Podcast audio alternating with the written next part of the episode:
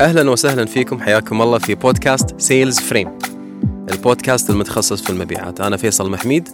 حلقة اليوم أنا خصصتها علشان شيء وايد مهم اللي هو المصطلحات في المبيعات. غالب الناس اللي يشتغلون في قطاع البيع تمر عليهم مصطلحات يمكن جديدة عليهم. هي غالبا تكون في اللغة الإنجليزية.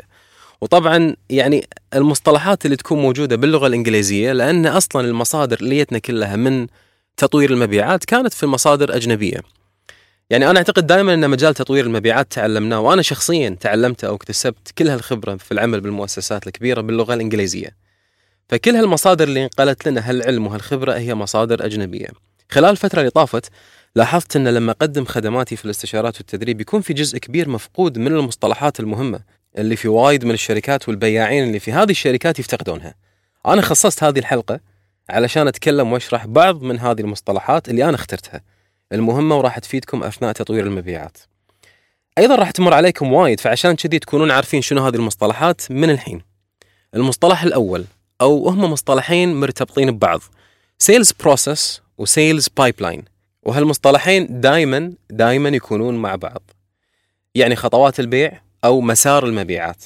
يعني شنو هي المراحل اللي يمر فيها المنتج عشان يتم بيعه؟ وبما أن تكلمنا عن خطوات البيع لازم نذكر مصطلح أيضا وايد مهم اللي هو AIDA يسمونه AIDA process. هذا المصطلح عبارة عن مختصر للآتي.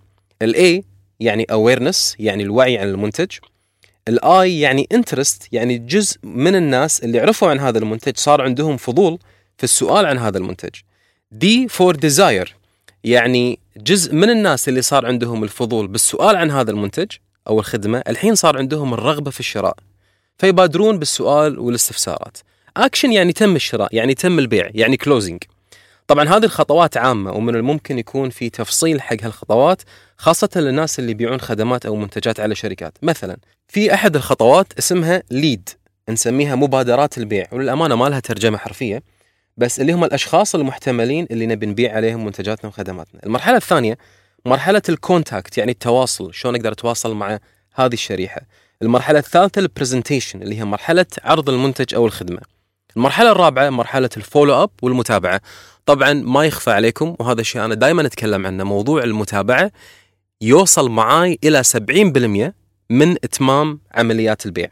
المرحلة الأخيرة اللي هي ال closing طبعا هذه الأمور في بعض التفاصيل الموجودة كخطوات ومسار للبيع راح أخصص لها حلقات بالكامل ومفصلة.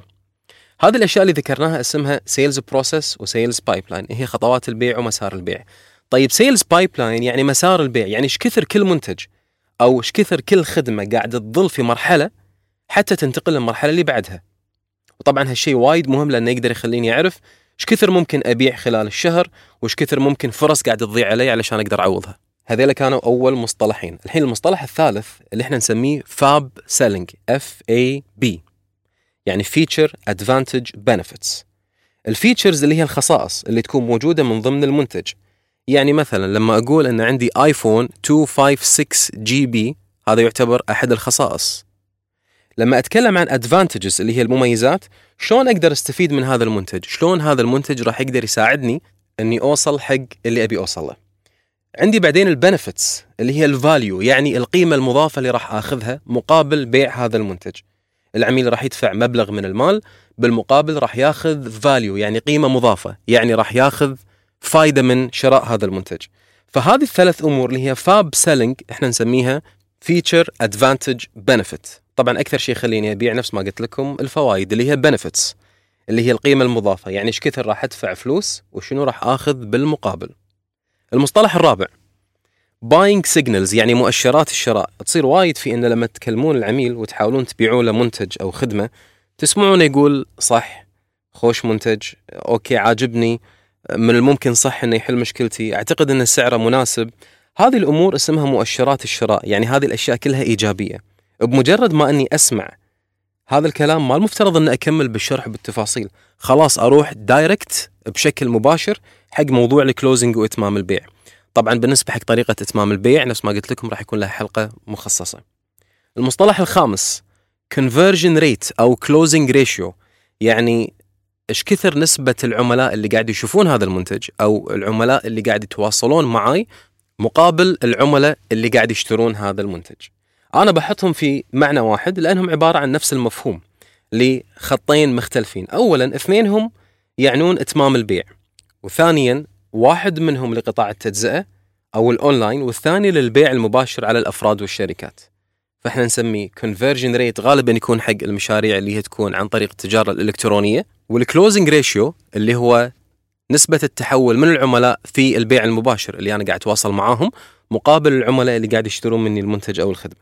طبعا هذه نسب تفيدني في معرفة المجهود اللي أنا قاعد أبذله في البيع إذا كان مجهود صحيح ولا كان مجهود خاطئ، وتفيدني في إني أعرف إذا كانت هذه الاستراتيجية في المبيعات صحيحة ولا لا.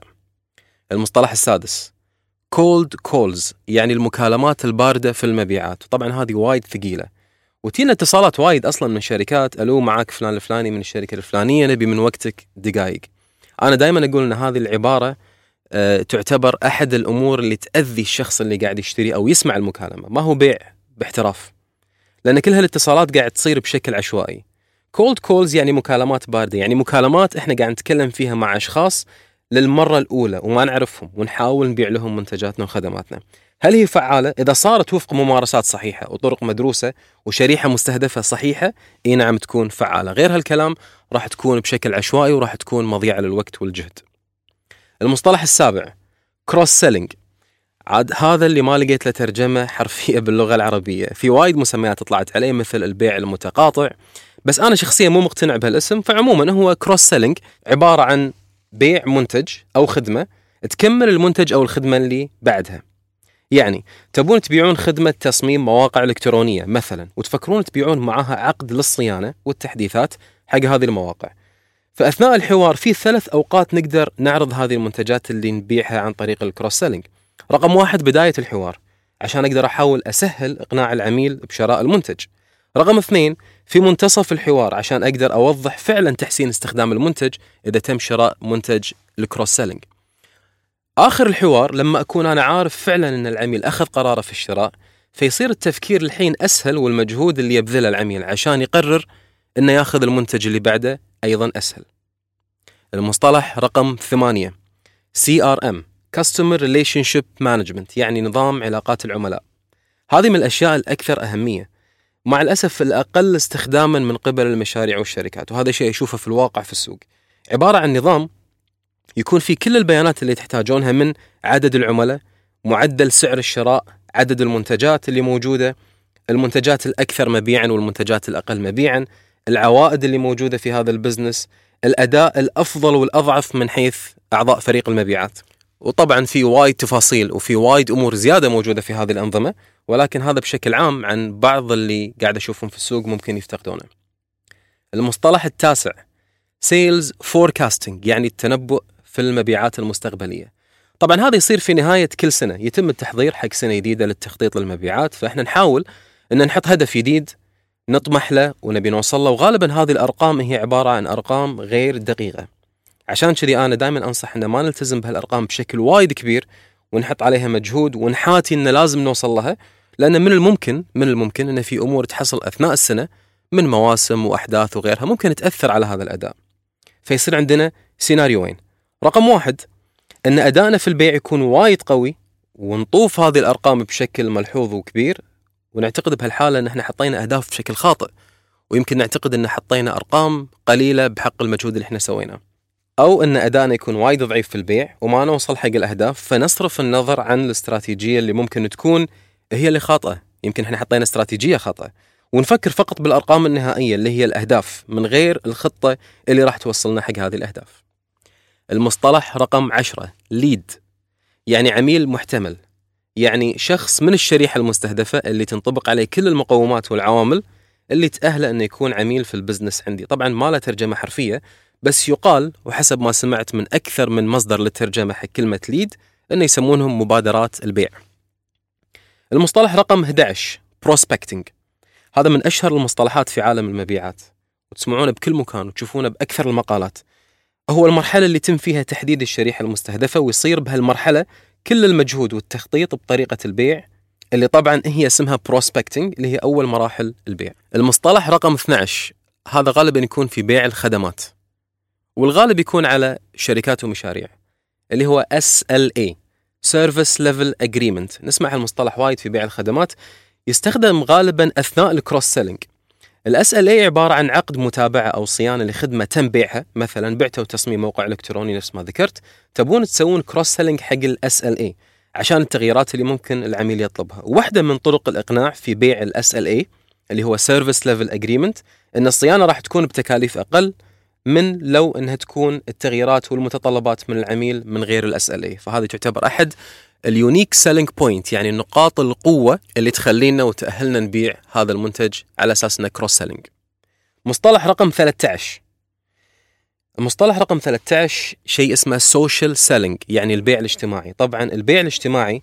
مو معناته البيع المباشر عن طريق وسائل التواصل الاجتماعي. معناته استخدام وسائل التواصل الاجتماعي لفهم احتياج العملاء ورسم خطوات البيع وإيجاد الشريحة المناسبة. الهدف من هذه الحلقة كان زيادة الوعي عن مجال المبيعات. أنا لما أتعامل مع وايد من الشركات والمشاريع في بعض المصطلحات يمكن لما أطلبها سواء كانت بالتقارير سواء كانت من فريق المبيعات نفسه أحس انه بوايد من الأوقات يكون في جاب بيني وبين الفريق نفسه لأنه أحتاج إني أوصل فكرة، أحتاج إني أوصل معلومة معينة عن هذا المجال فبالتالي نحتاج إنه يكون عندنا إلمام كبير في هذه المصطلحات حتى نقدر نطبق الاستراتيجيات أو المهارات بشكل واضح بالسوق واللي أيضا وايد مهم إن نقدر نعرف ناخذ الفيدباك من السوق ونراجعه مرة ثانية حق فريق المبيعات أو مدراء المبيعات أو حتى صاحب الشركة أو صاحب المشروع. لهني نكون خالصين حلقة اليوم، شكرا على وقتكم وشكرا على استماعكم حق هذه الحلقة، معاكم فيصل محميد.